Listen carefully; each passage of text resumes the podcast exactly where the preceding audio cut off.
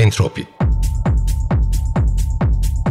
Sonsuz enerji, sonsuz devinim ve düzensizliğin değişen ritmi. Hazırlayan ve sunan Bikem Ekberzade.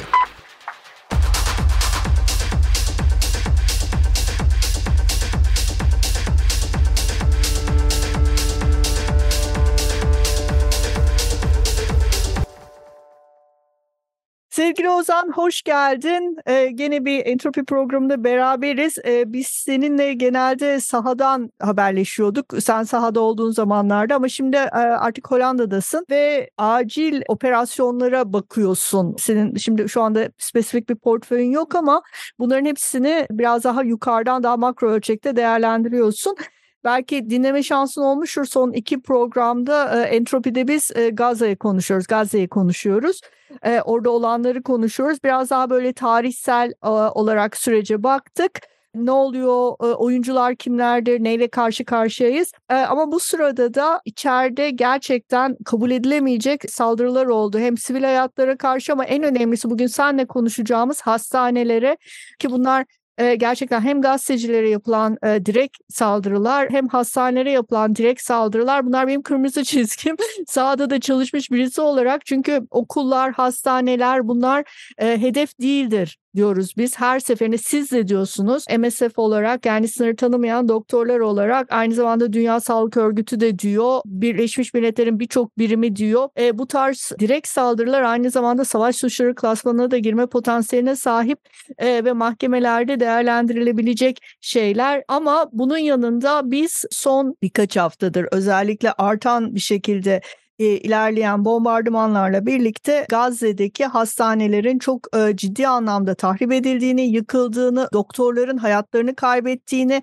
ve bu, bütün bunların buraların aktif hastaneler olduğu bilinmesine rağmen yaşandığı bir durumla karşı karşıyayız ameliyat esnasında e, bombardımana maruz kalan hastanenin tavanının çökmesi, işte prematüre çocukların, e, bebeklerin e, çok zor durumlarda e, hayatlarını kaybetme tehlikesiyle karşı karşıya olmaları, birçok diğer hastanın vesaire ve aynı zamanda da doktorların bu saldırılar sonrasında, sırasında ve sonrasında hayatlarını kaybetmesi ki bunların arasında sizin çalışanlarınız da var. Size sürekli olarak sınır tanımayan doktorlar olarak bu süre zarfında zaten uyarılarda bulundunuz, bildirimlerde bulundunuz ve hastanelerin hedef olmadığının altını tekrar tekrar çizdiniz ama durum gerçekten anladığım kadarıyla baya kötü. Ee, şimdi ben mikrofonu sana veriyor, bırakıyorum. Hoş geldin tekrardan bir başka entropi bölümüne. Seni ağırlamak her zaman büyük bir keyif. Rica etsem bize tam olarak Gazze'de neler yaşanıyor ve bütün bunları yani neler yaşanıyor derken hani şu sırada bir en önemli belki haber maddelerinden bir tanesi tutsakların karşılıklı olarak el değiştirmeleri ancak e, biz bugün spesifik olarak seninle hastaneleri konuşacağız. Hastanelerin durumunu konuşacağız. Savaş ortamında hastaneleri ve doktorların görevlerini konuşacağız. Çünkü bunlar tarafsız bölgeler, e, silahsız bölgeler ve savaşın her iki tarafını da e, yaralılarını tedavi eden ve ölülerine de morglarında yer açan bölgeler. E, bu dünyanın her yerinde böyle ve kabul edilmesi gereken en önemli belki savaş kurallarından hani savaşın kuralı olur mu? Evet olur. Kurallarından bir tanesi ben lafı çok uzattım. Mikrofonu sana veriyorum. Gazze'de neler oluyor? Bize toparlarsan çok sevinirim. Hoş geldin tekrardan. Hoş bulduk Bikem. Teşekkür ederim. Senin bıraktığın yerden devam edeyim. Savaşın kuralları olur mu? Olur. Olması gerekir. Uluslararası in, insancıl hukuk aslında bunun e, temelini oluşturuyor bugün. Bizim de bu çerçevede, biz de bu çerçevede çalışıyoruz insani yardım kuruluşu olarak. E, birçok yerde, sen, sen de bahsettin, dünyanın birçok bölgesinde, çatışma bölgelerinde e, bu çerçevede biz e, çalışmalarımızı yürütüyoruz ve buna güveniyoruz. Ve çalışan, çatışan taraflardan da e, bu hukuka, yani insancıl hukuka saygı göstermelerine, bu kapsamda da öncelikle sivillerin ve sağlık çalışanlarının korunmasının gerektiği, ardından da insani yardım çalışanları, sağlık tesisleri, hastaneler, klinikler bunların korunma altında alınması ve en üst düzeyde e, bu konuda dikkat gösterilmesi gerektiğini savunuyoruz. Ve bu bizim e, insani yardım kuruluşu olarak sınır tanımayan doktorların sadece savunduğu bir şey değil. Bütün e, Birleşmiş Milletler, diğer sivil toplum kuruluşları e, ve hatta çatışan tarafların da aslında savunması gereken ve bir noktada onların da kullandığı bir hukuk sistemi savaş koşullarına. Gazze'de gördüğümüz şey bugün bu kuralların, bu hukukun tamamen çiğnenmesi aslında. Ee, yani bunun tabii ki tarafsız ve bağımsız e, merciler tarafından araştırılacağını umuyoruz ilerideki günlerde. Savaş suçları var mı yok mu bu konuda benim e, ya da bizim kurum olarak bir şey söyleme şansımız çok yok. Çünkü bizim işimiz orada sağlık hizmeti vermek ve bizim e, anlayışımız kısıtlı. Fakat bütün raporlar e, ve bizim gözlemlediklerimiz, ekiplerimizin gözlemledikleri burada ciddi bazı kaygıların olduğunu gösteriyor bu anlamda.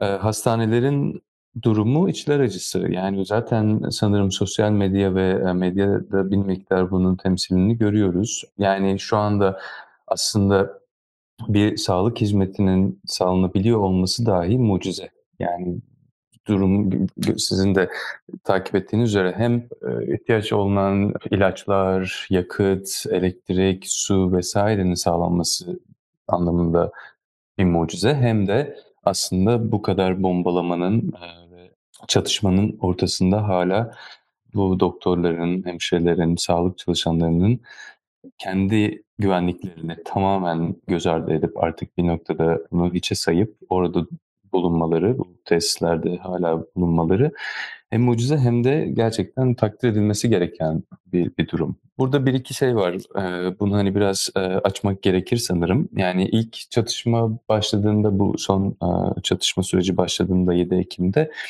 7 Ekim öncesindeki duruma da bakmak lazım. Sen zaten bahsettin son iki haftadır bunları bir miktar e, tartışmışsınız, tartışıyorsunuz. Fakat e, yine bir hani referans verirsek Zaten 7 Ekim öncesinde aslında çok sıkıntılı koşulların olduğu bir durumdan bahsediyoruz. Yani zaten durum orada e, güllük gülistanlık değildi. Bunun herkes farkında fakat belirtmekte fayda var.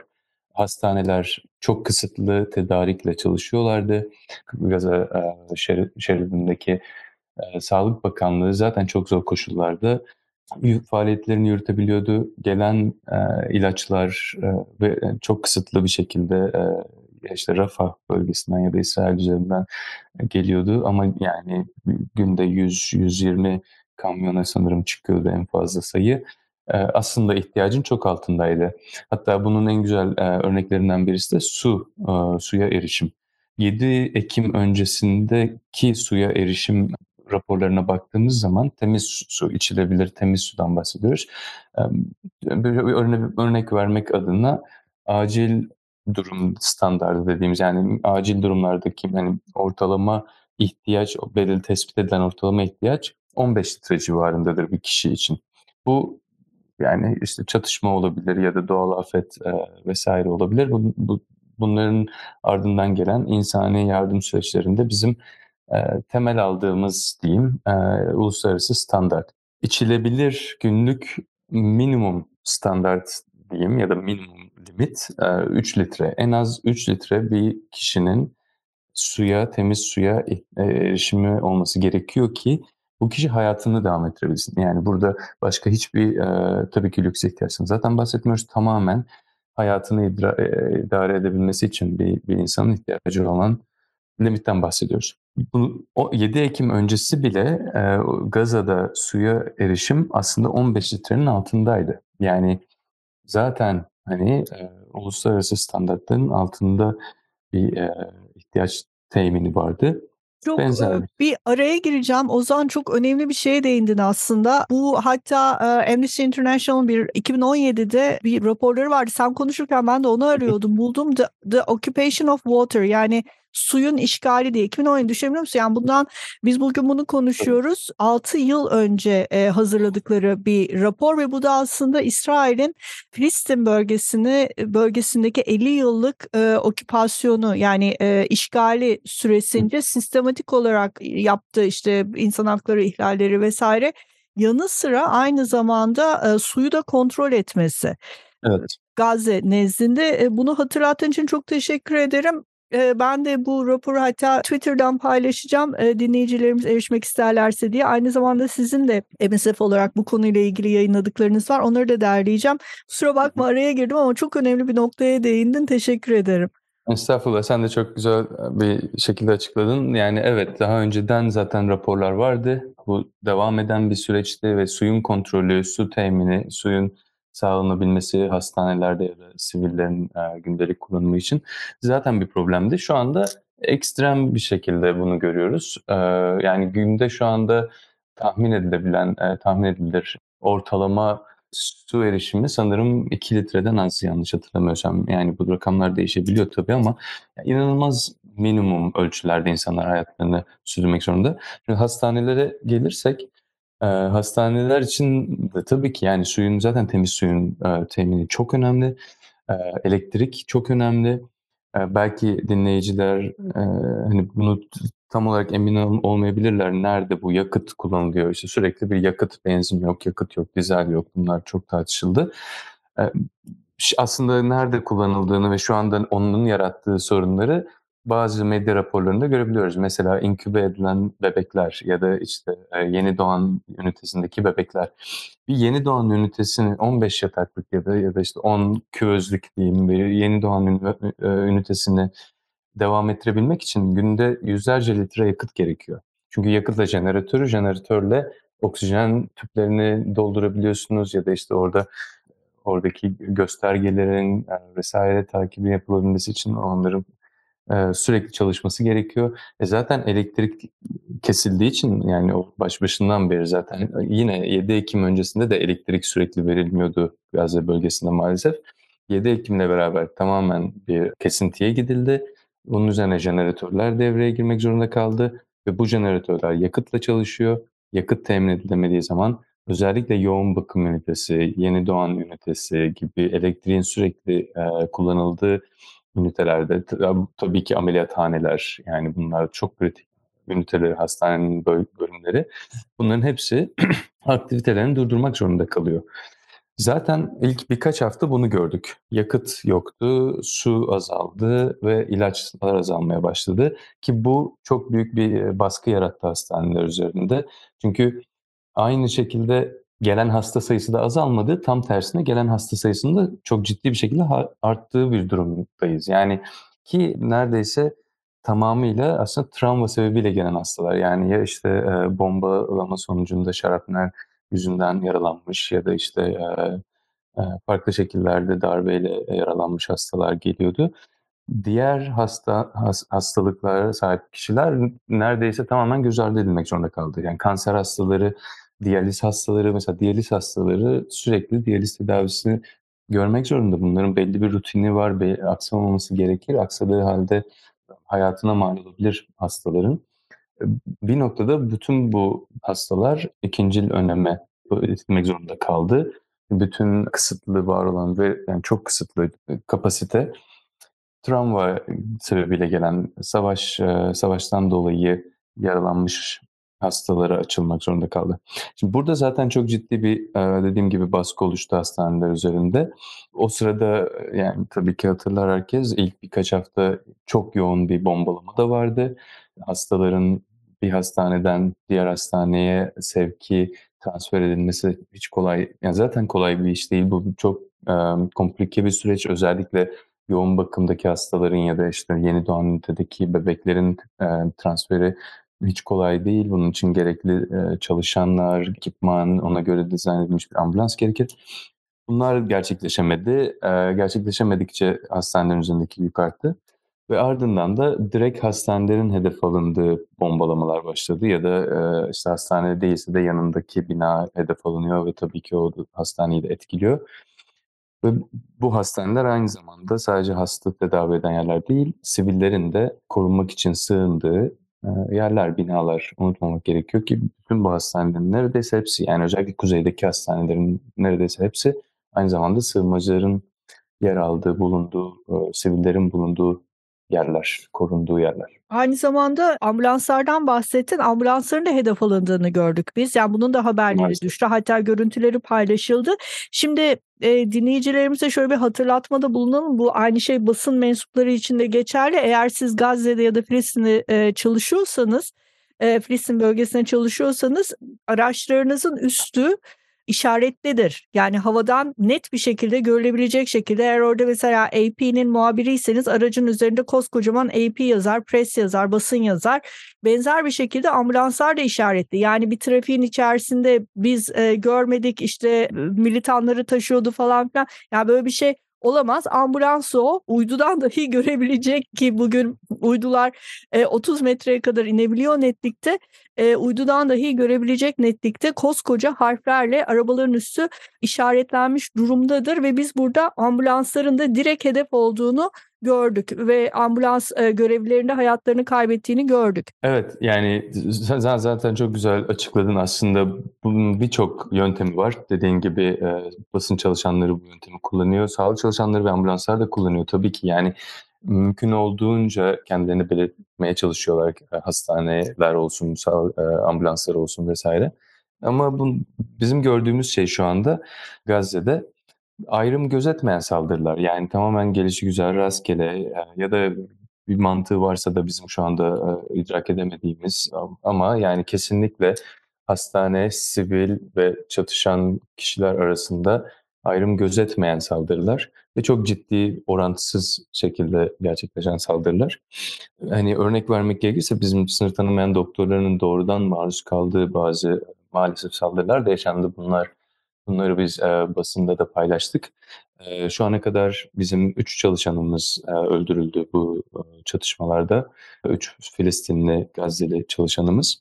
İkisi doktor aslında çok yakın zamanda oldu. 21 21 Kasım'da Al Avda Hastanesi bombalandı. Al Avda Hastanesi'nde biz kısmını tanımayan doktorlar olarak zaten uzun süredir çalışıyoruz. Orada reconstructive surgery yani aslında hayati müdahale içeren ameliyattan sonra ardından kişinin hayat kalitesini artırmak için yapılan ameliyatlar ve fizyoterapi desteği. Bunu biz zaten uzun süredir e, destekliyorduk bu faaliyetleri. Bu hastanede e, çalışanlarımız devam ettiler hizmet vermeye ameliyathanede ve diğer departmanlarda. Üzücü bir, bir durum. Bir, bir hafta kadar önceydi sanırım. Bir fotoğraf paylaştı oradaki doktor arkadaşlar e, bizimle. Bu fotoğrafı sınıf tanımayan doktorlar sosyal medyada da paylaştılar. Bir duvardaki panoya bir board markerla, bir kalemle Uh, whoever stays until the end will tell the story. We did what we could yazmışlardı. Yani Türkçe çevirirsek sonuna kadar kim kalırsa bizim hikayemizi on, anlatsın. Biz elimizden geleni yaptık. Bizi hatırlayın. Remember us diye. Maalesef öldürülen iki doktordan birisi aslında bunu yazan arkadaşmış. Yani bunun tabii ki bize bilgisi bundan geldi müthiş üzücü bir şey. Yani bunu duvara yazıp bunun farkında da olup oradaki hayati riskin farkında olup buna rağmen evin ailesine gitmeyip orada kalıp aslında elinden geleni yapan, gelen e, yaralıları hayata döndürebilmek için elinden geleni yapan bu insanlar şu anda aramızda değiller ve yani bu hastane direkt e, hedef alınmış bir şekilde bombalandı. Ona benzer şekilde 20 Kasım'da bir kliniğimiz Gaza'da ateş hattında kaldı. İçeride 21 tanesi sivil sığınıyordu o sırada. Zaten o sıradaki klinik hizmet vermiyordu maalesef. MSF araçları dışarıda araçları vardı. 5 tane o 5 aracın hepsi zarar görmüş durumda, kullanılamaz hale gelmiş durumda. 18 Kasım'da da yine e, MSF e, sınır tanımayan doktorların bir konvoyu direkt hedef alındı. Bu hedef alınmadan kastım e, doğrudan ateş hattında kalıyor e, araçlar ve camları tamamen parçalanıyor. Araçlarda e, çeşitli mermi izleri bulunuyor vesaire. Ama işin en üzücü kısmı aslında o sırada araçta yer alan çalışan bir çalışanımızın yakını e, ailesinden birisi de hayatını kaybediyor. Yani bu olaylar son bir haftada oldu ve biz bunların devam etmesinden çok endişeliyiz. MSF olarak yani tamamen zaten hastanelerin korunması gerektiğini savunuyoruz. Bunun için çağrı yapıyoruz. Hastanelerin, hastane çalışanlarının ve insani yardım çalışanlarının korunması gerekiyor. E, bu, e, bu, bu şekilde devam edemez. E, bunun kabul edilebilir hiçbir yanı yok. Ozan aynı zamanda bir şey daha hatırlatalım dinleyicilerimize. Birçok benzer şekilde çalışan STK ama özellikle sınır tanımayan doktorlar nezdinde ben söyleyeyim. Kendi tecrübelerime dayanarak sizin zaten araçlarınızın birçok yerinde silah sızdır yani silah izin Tabii. yoktur şeklinde ibareler vardır. Dolayısıyla sınır tanımayan doktorlarının ya da sağlık çalışanlarının bu şekilde direkt hedef halinde olması gerçekten e, kabul edilebilir bir durum değil. Çünkü silahsız oldukları biliniyor.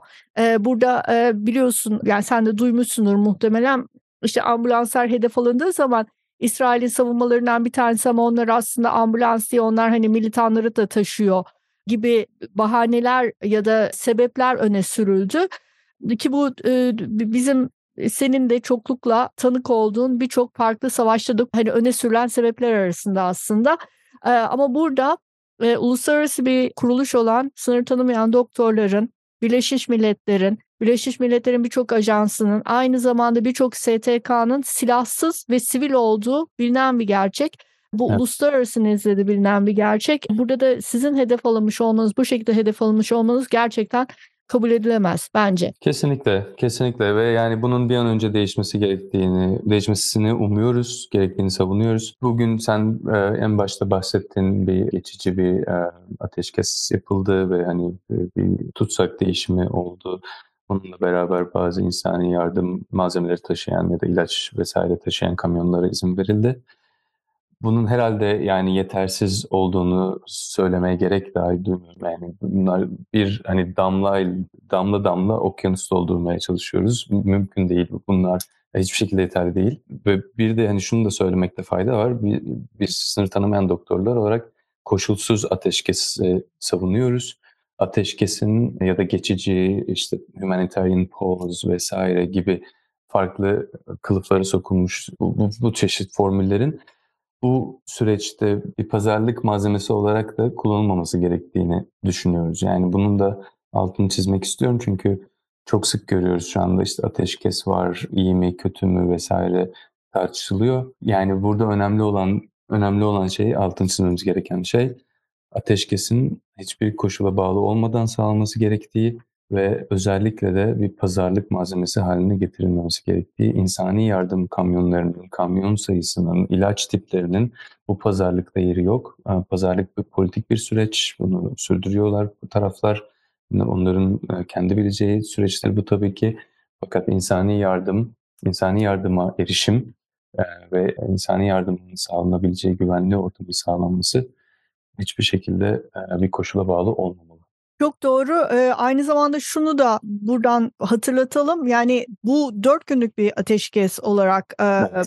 lanse edildi ve orada içeride hala çalışmaya devam eden e, gazetecilerin de bize aktardıkları bilgi tam olarak şu. Bu dört günde insanlar ancak ölülerine mezar yeri bulabilmek için bu vakti harcıyorlar. Yani burada hiçbir şekilde hayatlarını idame ettirmeleri ya da herhangi bir şeye ulaşma çabasından ziyade artık o kadar ciddi bir yıkım ve o kadar ciddi bir can kaybı var ki içeride. Bu dört gün içerisinde ölülerimizi nereye gömeriz diye Gazze halkı arayış içerisinde. Ve bu gerçekten yani dışarıdan bakıldığı zaman tüyler ürpertici bir durum. Senin anlattıkların, aktardıkların da aynı şekilde hiçbir savaş kuralına e, uymayan ve açıklaması e, saldırgan tarafın açıklama konusunda zorlanacağını tahmin ettiğim şeyler.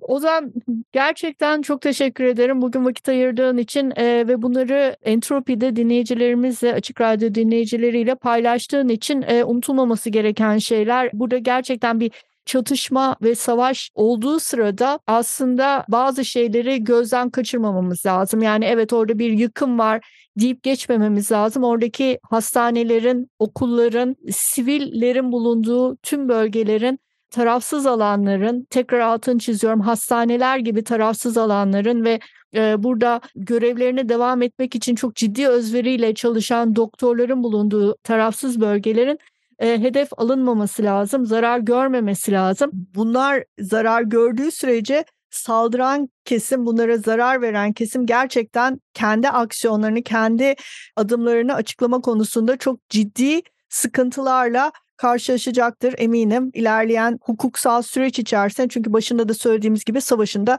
kuralları var ve aynı zamanda bu kuralların e, ihlal edilip edilmediğini inceleyecek uluslararası mahkemeler de var e, ve zaman içerisinde eminiz ki bunlara da gerekli başvurular yapılacaktır ve sizin çalışma arkadaşlarınız da hayatlarını kaybetseler dahi e, en azından bunun bir e, yaptırımı e, olacaktır diye ben ümit ediyorum. Çok teşekkür ederim tekrardan katıldığın için. Ben teşekkür ederim davet ettiğin için. Büyük iyi programlar.